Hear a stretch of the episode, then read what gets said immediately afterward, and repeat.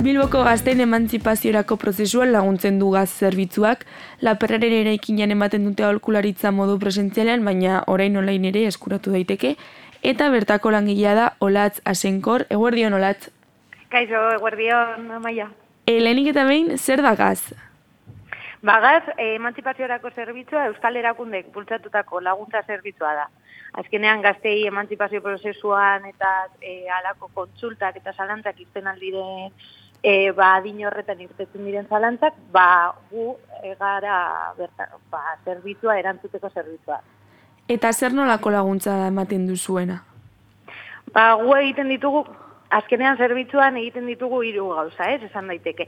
E, kontsultak, e, ba, badauz pertsona asko etortzen direla kontsulta batekin eta momentuan erantzuten diogu, gero badauz segimenduak edo laguntzak emate akompainamenduak egiten ditugun akompainamenduak, hoiek dira, e, ba, persona nahi dutela ba, igual emantzipatu edo haien emantzipazio prozesuarekin hasi, eta ez dakiten ondi hasi edo bueno, eta haien egoeran ba, egiten dugu ba, ez bakarriz etxe bizitzari buruz, ez? Azkenean emantzipazioa gauza asko dira, ez? formakuntza, e, enplegua, etxe bizitza, eta mugikortasuna adibidez, ez? Gure kasuan bebai hartzen dugu mugikortasuna.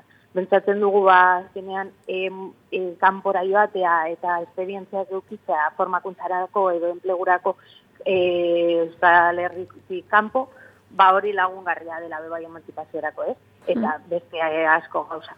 Orduan, e, la, egiten ditugu kontsulta aldetik, gero lagun, e, akompainamenduen aldetik, eta gero hirugarrena izango zen gure programazioa. Gu egiten ditugu tailerrak, e, feriak, e, itzaldiak, alako programazio edo egiten dugu, e, inter, e, gazteentzako interesgarriak direnak.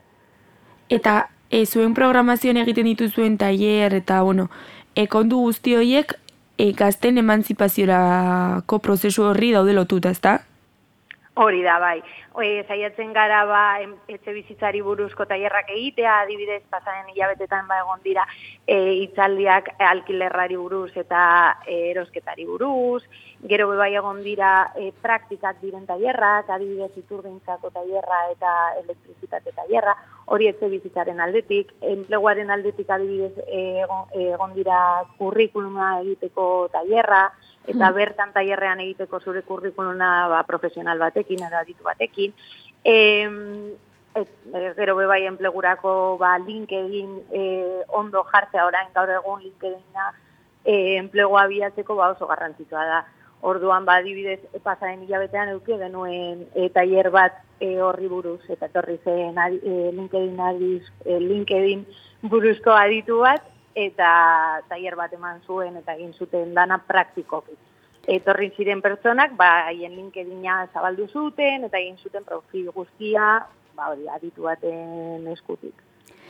Eta e, esan duzu ez kontsultak egiten dituzuela momentuan erantzuten dituzuela galderak, zer da gaztek gehien galdetzen dutena? Ba, gehien erantz, e, gehien galdetzen duten gauzak dira, etxe bizitzaren aldetik adibidez, ba, nola egin e, e, zebideko sarrera, inskripzioa, edo bebai zalantza asko egoten dira askotan gazte lagun e, laguntzarekin, edo nola eskatu, E, gero bebai, e, galdetzen digute asko formakuntzaren aldetik edo enpleguaren aldetik, ba, kanpoan ikasteko edo e, kanpoan lan egiteko, ez, mugitzeko, eta holan, hmm. alako bekak eta e, programak bebai, hori buruz, bebai galdetzen digute. Eta hori dira orduan galdera nagusia. Bai. Bai. Eta hola, zeintzuk dira zuk, e, bueno, zuek lanean edo bai lanean ikusten dituzuen e, arazo nagusiak, ez gaztek emantzipaziorako dituzten arazo nagusiak?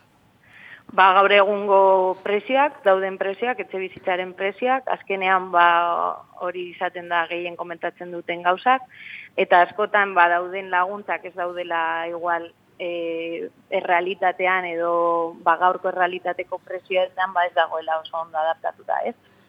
Eta askotan ba oso zaila da e, rekizitoak betetzea, dortu.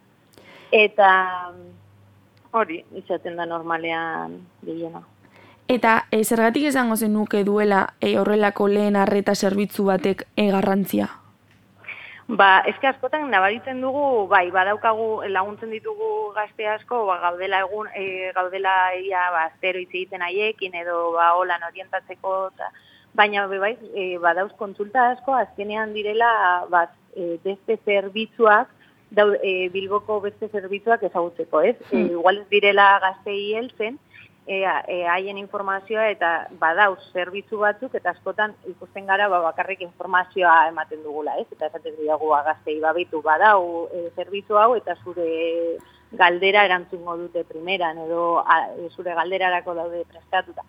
Edo alako, alako bai gertatzen zaigu asko, azkenean e, informazioa ematen dugu, ez? Hmm. Lako zerbitzuak dauden bilbon eta bagaztei esateko. Eta edon hori daiteke zerbitzu hori jasotzera, pentsatzen dut e, adintarte bat egongo dela. Bai, bada, bada amazi urtetik eta hogeta mala urte eraino, hiek dira gulantzen ditugun adinak, hmm. eta hori, bai. Eta momentuan joan eta momentuan galdetu, ala txanda edo ordu hartu behar da. Ez dugu, ez, e, bueno, e, askotan pertsona asko nahiago dute itzordua hartu eta haiek etortzerakoan ba, badaukagu, badaukagu dana prestatuta haientzako.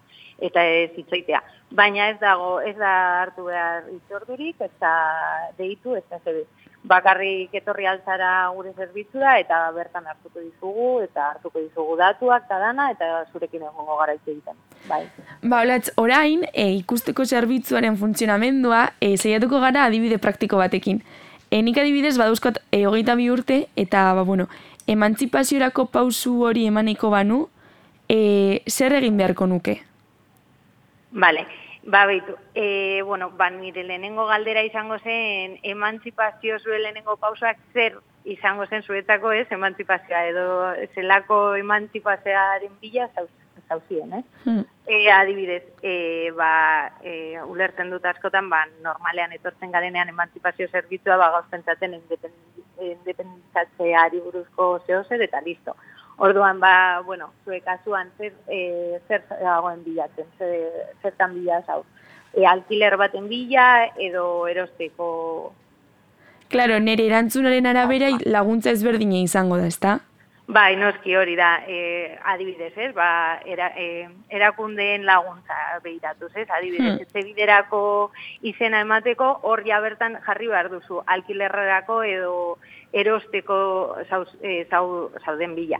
Ja, eta adibidez, gazte laguneko laguntza lortzeko, ez da bat erresa, laguntza horietara heltzea. Bai, hori da. E, ba, bueno, e, gazte lagunekin asko gertatzen zaigu dela presioa ez? E, adibidez, Bilbon, haien rekizitoa da, sortzireun euro, da topea. Orduan, e, bada uztertatzen, ba, ez dela erraza, aurkitzea Bilbon sortzireun euroko pisuak. Orduan, hori izaten da errekizito zaiena, betetzeko. Eta zeintzuk dira zuk ematen dituzun gomendioak? Ba, asko bilatzea, galdetzea pillo, ez ukitzea lotza, e, esertarako horretan, Eta hori, deitzea pillo, eta azkenean emantzipazio prozesurako ba, denbora euki behar da, eta lasaitasunez hartu behar da. Azkenean izaten da askotan oso frustrantea, ez? Eta askotan mugitu nahi garenean gure e, familiaren etzetik edo gauden etzetik, ba, e, askotan da urgente momentu horretan edo hmm. gauz bilatzen ja, bi, e, urrengo hilabeterako, eta da, ez, emantzipazio prozesua azkenean oso luzea da, eta eta poliki joten da. Behar dugu, bai, hori da.